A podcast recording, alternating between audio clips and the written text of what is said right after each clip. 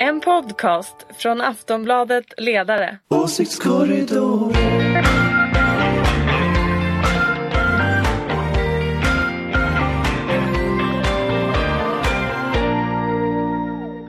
Hej och välkomna till Åsiktskorridoren. I den här podden pratar vi om det som händer i politiken och det händer ju verkligen mycket både här hemma och i världen.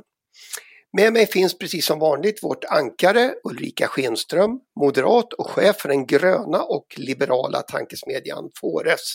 Här är jag. Just, alltid. Eh, också ett ankare i Åsiktskorridoren, Jonna Sima. Eh, du är ju socialdemokrat och jobbar på Aftonbladets ledarredaktion.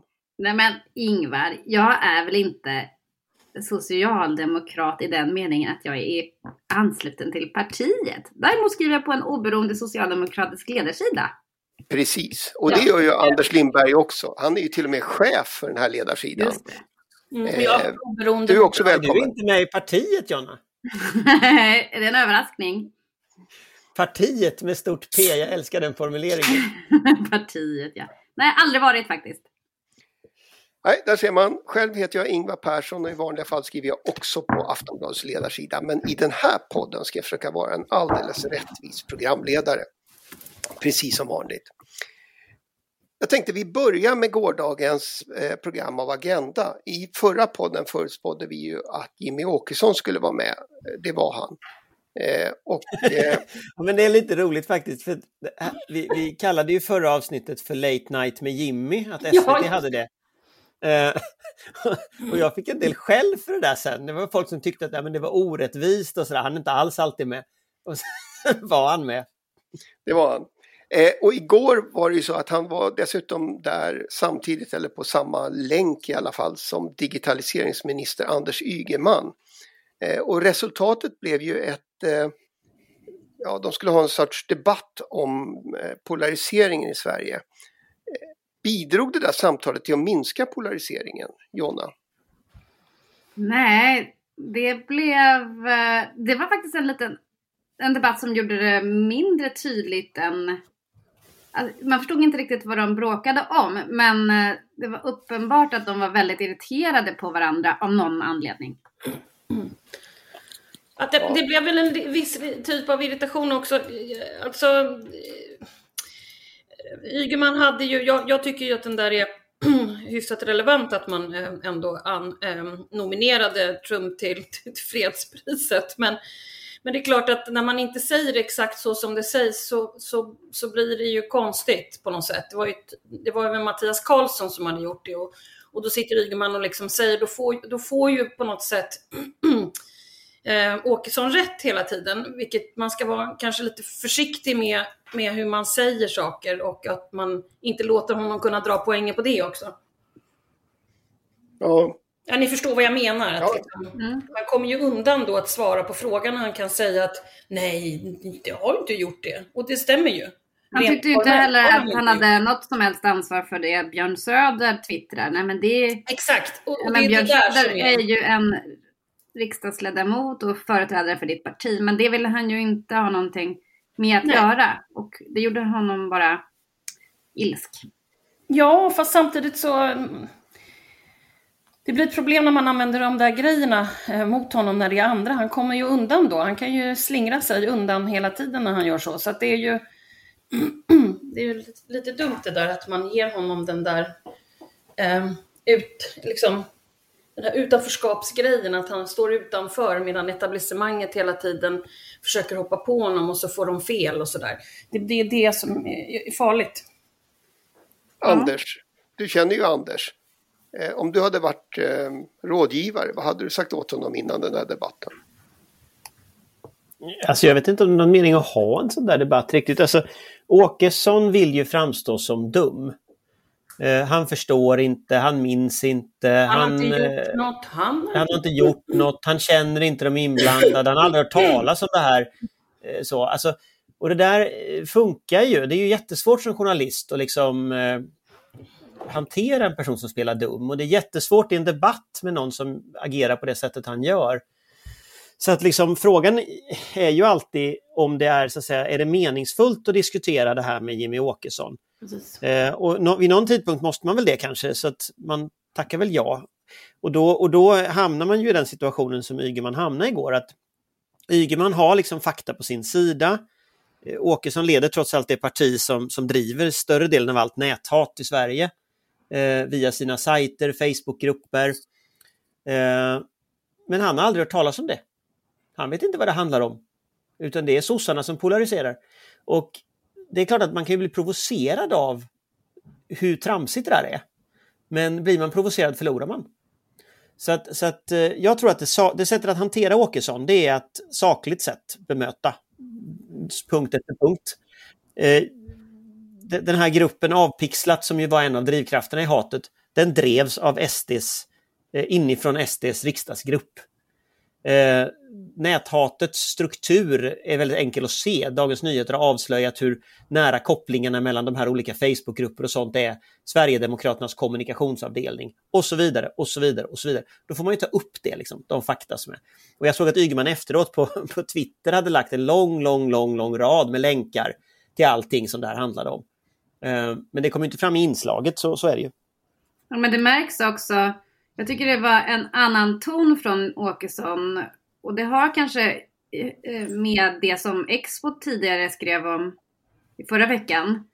Att eh, eh, om hur profiler i vit maktmiljö nu tycker sig se att Sverigedemokraterna har bytt ståndpunkt i synen på högerextrema alternativmedier. Att de liksom visar mer öppet sin uppskattning. För innan var ju det, skulle man ju inte visa någon koppling. Men Jimmy Åkesson twittrade själv strax före nyår att vi har mycket att tacka alternativmedia för. Hade det inte varit för alternativmedia hade de gamla medierna lyckats kväva invandringsdebatten och förnedringsrånen och islamismen och sådär. Eh, så att det är någon annan ton mot, tror jag, både ja, men som public service, SVT där, att Ehm, han, han, han, han, sa ju flera gånger så här, jag får inte bemöta, vore, vore det för mycket begärt med att du ställde någon motfråga, liksom som att hon inte gjorde sitt jobb, programledaren? Att... Men, men jag, jag, tänker att det här är ju, alltså, det finns en myt ofta, i, speciellt bland, bland liberaler, att eh, den här typen av partier som Åkesson och bland konservativa, att, att, de, att de på något sätt blir mindre radikala närmare makten att ju närmare de har till liksom att, att, att de inte är tysta, de får prata i tv, de får prata i radio, de får prata i tidningar, de får sitta i riksdagens liksom, finrum och, och samarbeta med, med andra partier och sådär. Det ska så att säga minska radikaliteten hos extrema partier och så är det ju inte. Utan vad som händer är ju att andra partier går dem till mötes och att de blir mer radikala. Så vi ser ju en radikalisering av Sverigedemokraternas eh, framtoning Eh, och det var väldigt tydligt igår, att liksom, han gick till motangrepp. Och det han vill skapa är ju bilden av att både programledaren och Ygeman är mot honom. Exakt. Det är ju den imagen som han vill skapa. Men Ulrika har ju poäng i att eh, då gäller det att verkligen ha läst på och på fötterna så att det inte blir så att det går att tolka som att hon, att, att man försöker fula ut honom som han, han vill det, Nej, men det, det, är en helt hopplös, hopplös roll därför att, därför att han eh, därför att det är jättesvårt för också för Agenda att liksom bemöta. Eh, för de kan ju inte debattera med honom och eftersom det han säger inte är sant så blir ju det faktum att man påpekar vad som är sant, det blir ju att man debatterar. Och det där är knepigt och jag, jag tror att eh, alltså CNN har ju lite bytt inställning. De säger ju att de ska berätta sanningen. Eh, och, och även om och de ska liksom inte ha den här falska balansen där man säger att å ena sidan säger någon att jorden är platt, å andra sidan säger någon att jorden är rund och sanningen ligger någonstans mitt emellan. Utan de ska då säga att nej men jorden är rund, den är inte platt. Ehm, och SVT är ju lite mer i det här stadiet att ja, men, folk, vi har en debatt här och ni är oense om jordens form. Liksom. Ehm, och, och, och, det är klart att med den grundinställningen så så kommer nog det att bli så här med debatter i fortsättningen. Eh, Jimmy Åkesson kommer säga att han är ett offer oavsett vad det handlar om och sen kommer Sverigedemokrater att ljuga i tv och ingen kommer att korrigera dem. Och då kommer liksom osanningar att fortsätta spridas helt enkelt på det sättet. Jo, men det gör ju att, att tittaren då som inte, om man inte är så insatt i vad, vad det handlar om, vilka tweets som har skickats hit och dit, famlar ju lite i mörkret och då blir man, landar man nog i så här, de är nog lika goda kålsupare båda två. Det är ju väldigt olyckligt. Men jag tror att det är så många tittare kände igår. Ja men det är ju meningen. Alltså, det, där, det, är ju, det är ju precis det som är avsikten. Liksom. Sanningen ligger nog någonstans mitt emellan. Jorden är platt men skev. Liksom. Men snurrar. Ja. Nu hör vi att Ulrikas hund har, har Ja, blivit irriterad. son berättar, men eh, jag tror att det hanterades på andra sidan dörren. Det är utmärkt. Eh, ja, men så det är så här vi kommer att ha det. Ja. Ja, men det tror jag. Men samtidigt så finns det ju nu i alla fall en vetskap om att vi att det här var det vi var på väg in i under en lång tid. Så det är klart att vi är ju här nu. Sen kommer det ju naturligtvis komma nya tider. Ja, men de har ju verkligen också gått igång på Twitter som har eh, blockat eller stängt av Trump tillfälligt. Eh, och ja, men Björn Söder och sådana har ju hävdat att det är censur och det var ju det som Jimmie Åkesson också var inne på. Han följde ju inte Trump själv då, men han tyckte ändå det var fel att han inte fick twittra där.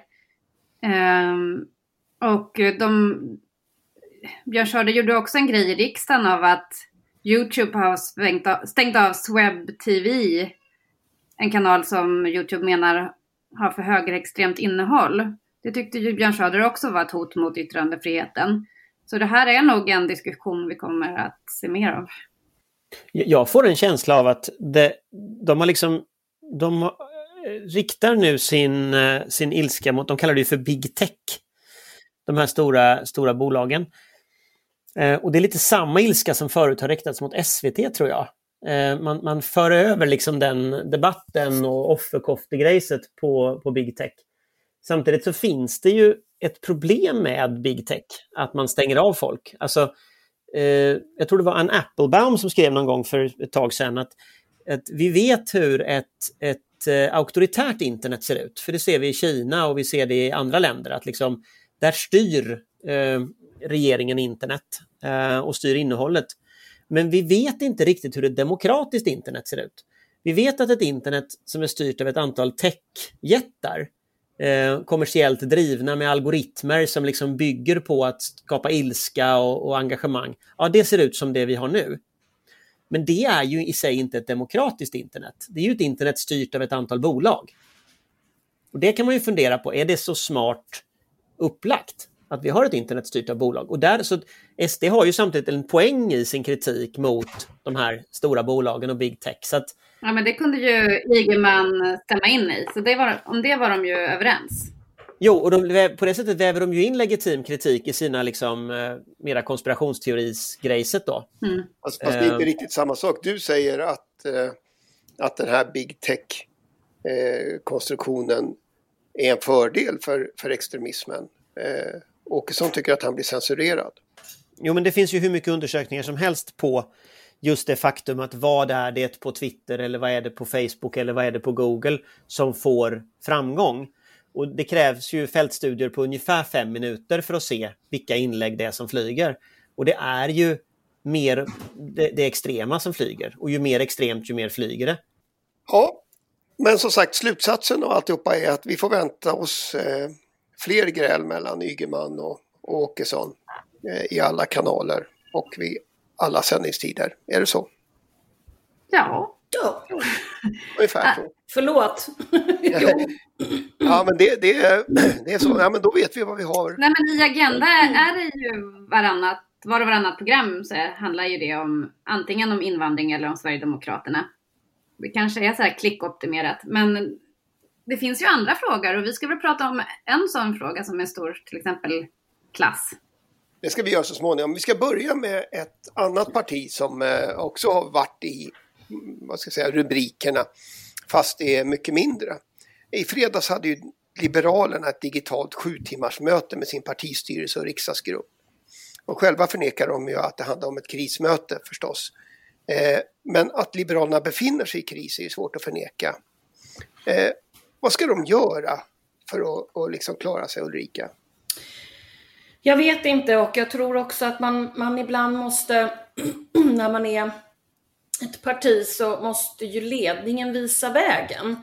Jag såg partisekreteraren på Agenda igår och där visade det sig att det, det, är fullkomligt eh, bara medlemmarna som ska bestämma som i en omröstning om man ska gå med, fortsätta vara med ja eller om man ska gå någon annanstans. Och jag tycker ändå att det är därför man har en partiledare och en partiledning. De bör ju också ha, tycka till om någonting och det verkar väldigt nervöst så att säga.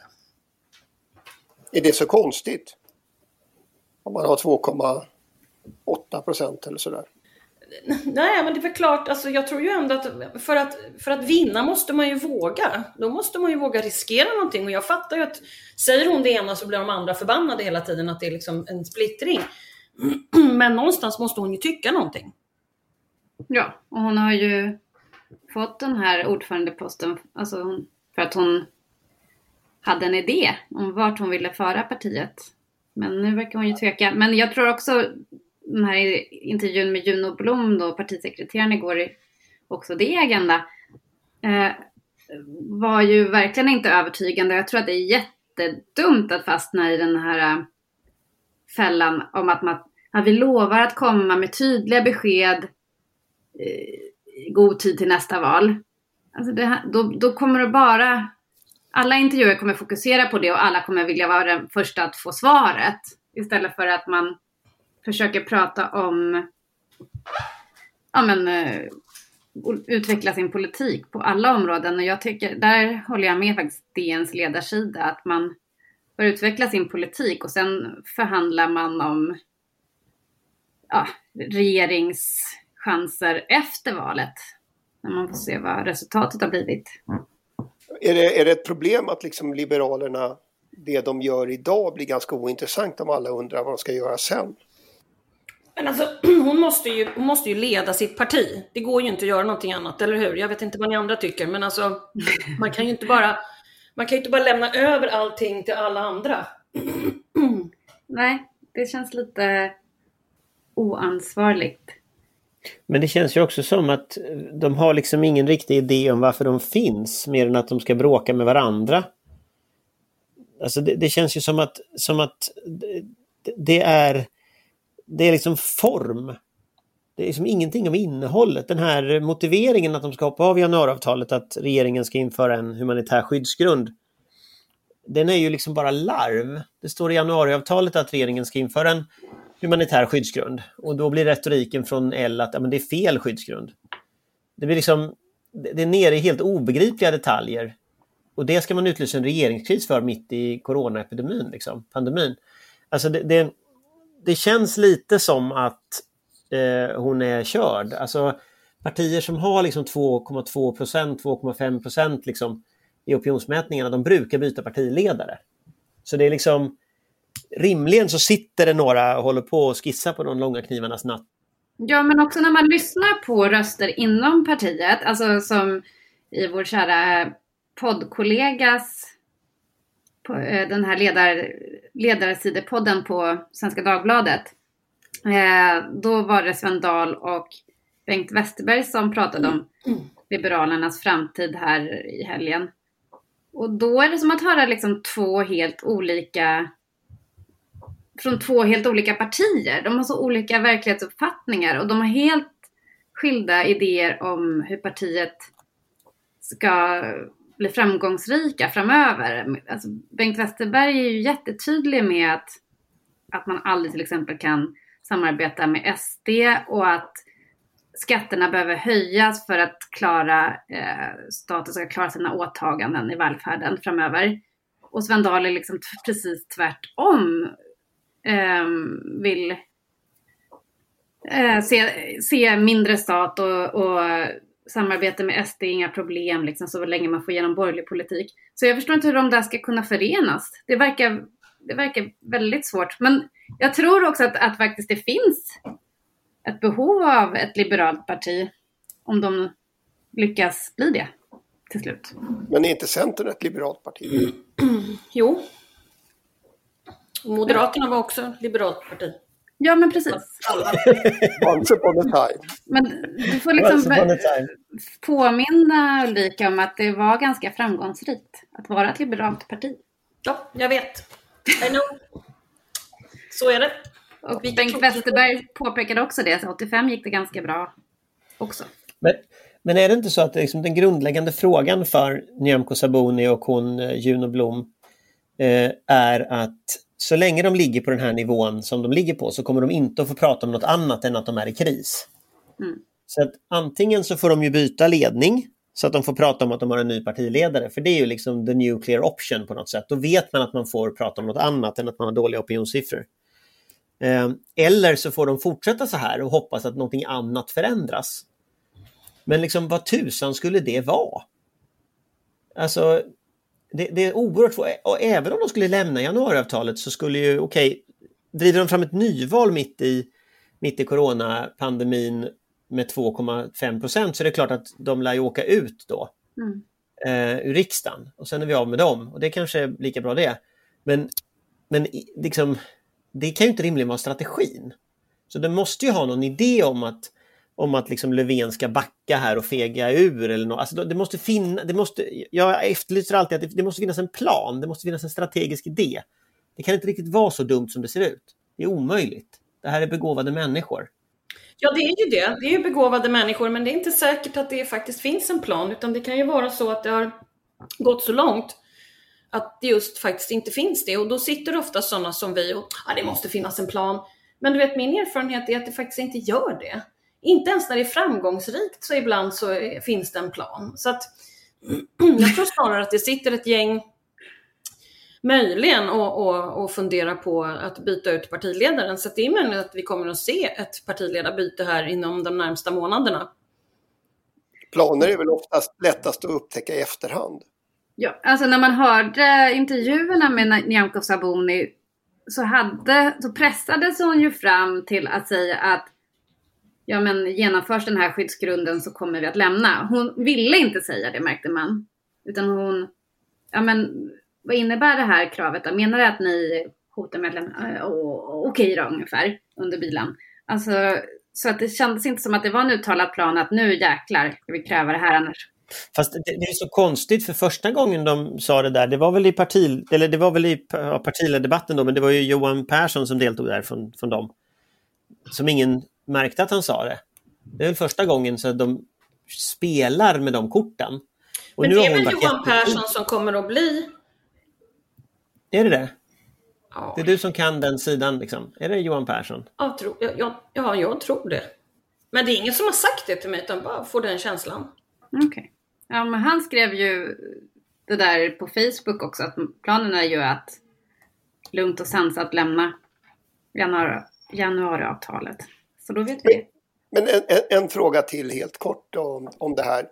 Alltså kan Stefan Löfven ha det på det här viset? Och ha ett regeringsunderlag där åtminstone ett parti är, är liksom notoriskt upptagna med att försöka komma ur? Nej, det kan han ju inte. Men ehm, vad ska han göra då? Ja, vad ska han göra? Ringa. Sabuni och säga till henne att nu får du skärpa dig. Men jag tror inte de bryr sig, om jag ska vara ärlig. Alltså, jag tror att sossarna möjligen tittar med viss sån här eh, förundran liksom på det. Men, men jag tror inte i grunden att de bryr sig. Eh, jag tror de betraktar det här som ett spel. Alltså det finns ju det här citatet, berömda citatet av Håkan Hagvall som var tidigare politisk chefredaktör för Moderata Svenska Dagbladet eller obund- obundet Moderata Svenska Dagbladet. Han sa det kommer alltid förr eller senare i varje politiskt tänkande varelses liv en tidpunkt då man börjar hata Folkpartiet. Och det, där, det där tror jag är liksom... Det vet ni hur jag växte upp. Jo, men det där är ju någonstans borgerlighetens bild, att de är alltid opolitliga, de ställer alltid till problem. Det låter ju som eh, Ulrika spelar Centern. Man kan aldrig lita på folkpartister, man fått höra hela livet. Jo, men grejen jag, jag, jag tänker på bara det är att liksom, nu har de nu är de Löfvens problem då. Men jag tror inte att Löfven hatar Folkpartiet eller Liberalerna. Jag tror inte han liksom han ser att det är bråk. Han konstaterar att de kommer inte våga fälla honom. Och sen skiter han i det. Alltså det, det, det, det, det sossar bryr sig om, det är liksom det som är de riktiga maktmedlen.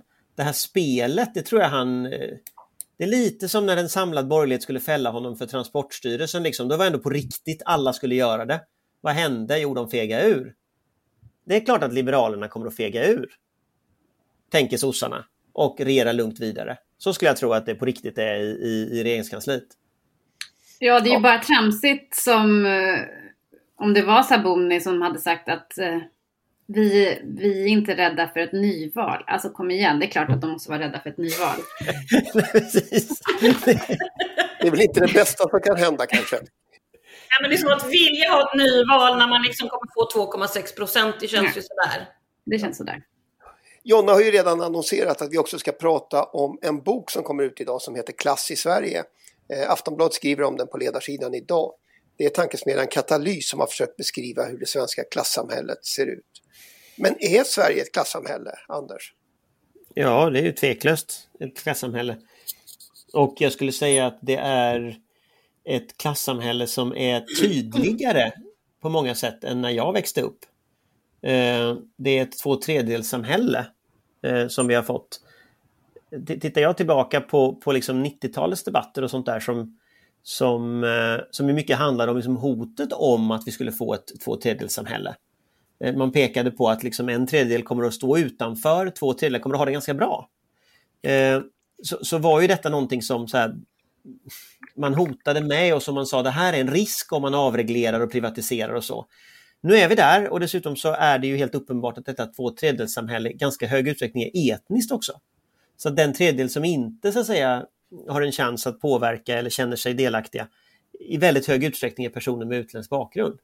Så att, så att vi har ett, ett ganska brutalt klassamhälle både liksom i geografin och ekonomiskt. Eh, och jag är lite, tänk om, det är återigen det här, liksom, tänk om man, det var det här man hade diskuterat istället för att prata om så här invandring hela tiden. Då hade vi kanske gjort något åt det. Men därför blir ju på något sätt katalysen en slags ljus i mörkret, att de är de enda som hela tiden tjatar om detta nu då. Och den här boken är ju då, den är väldigt lång, men, men, men den är ju ändå en, en, en slags ögonblicksbild av vad som är fel med den nuvarande både socialdemokratin och Sverige. Jag håller med om det där, att, eh, men det är inte så uttalat eh, om du tittar till andra länder till exempel, där det är ju väldigt mycket mer uttalat själva klassdelningen eh, på något sätt. Och sen tror jag vi försöker vara väldigt platta, men det blir liksom dubbelvärre när vi försöker vara det. När vi inte klarar av att få folk som är i ett stort utanförskap att ta sig in i samhället. Det är ju jätteproblematiskt och där har, det där problemet har vi ju haft länge. Men jag tycker ju också att det ska göras enormt mycket åtgärder och, och reformer, eller hur? På temat man kan ta sig från en klass till en annan, alltså att man, man kan ta sig upp från ett utanförskap. Det är ju det som politiken måste hjälpa till med.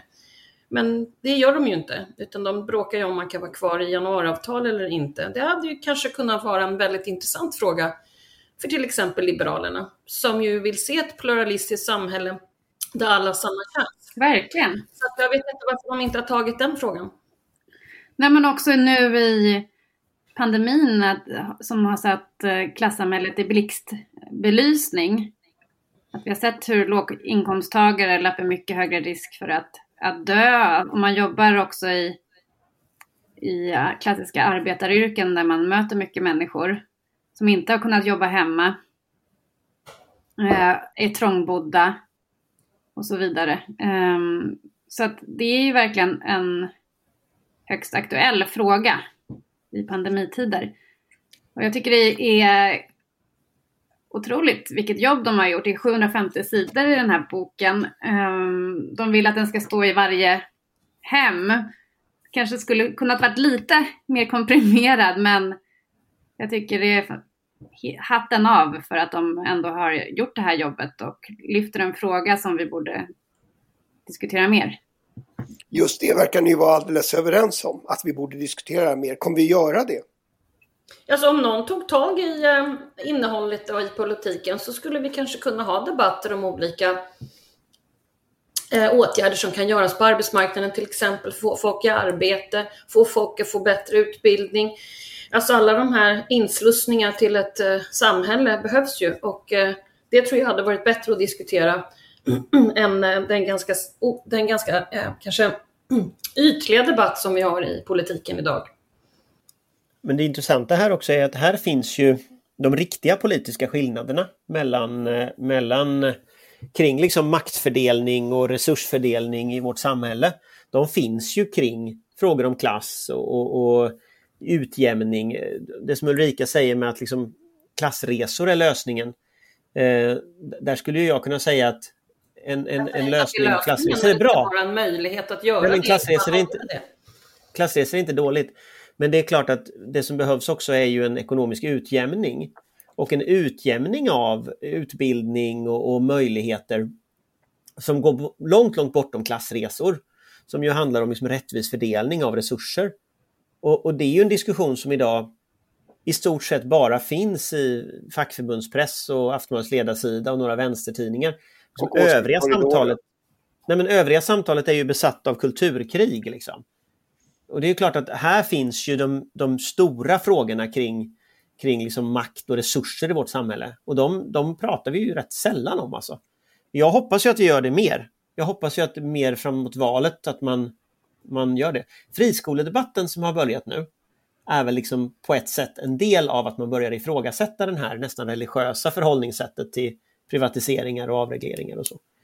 Ja, men det är också att förklara orsakerna till skolsegregationen, att det har ofta med, ja, med det ekonomiska systemet. Alltså det, man måste, det är det, både Ulrika och Anders är inne på att vi sällan pratar om klass, men det, och det gör vi ju inte, men vi har inte heller något riktigt språk för det längre. Så att, eh, ja, men det, det avspeglar sig också i, i valresultatet, att det är inte lika klassbundet längre.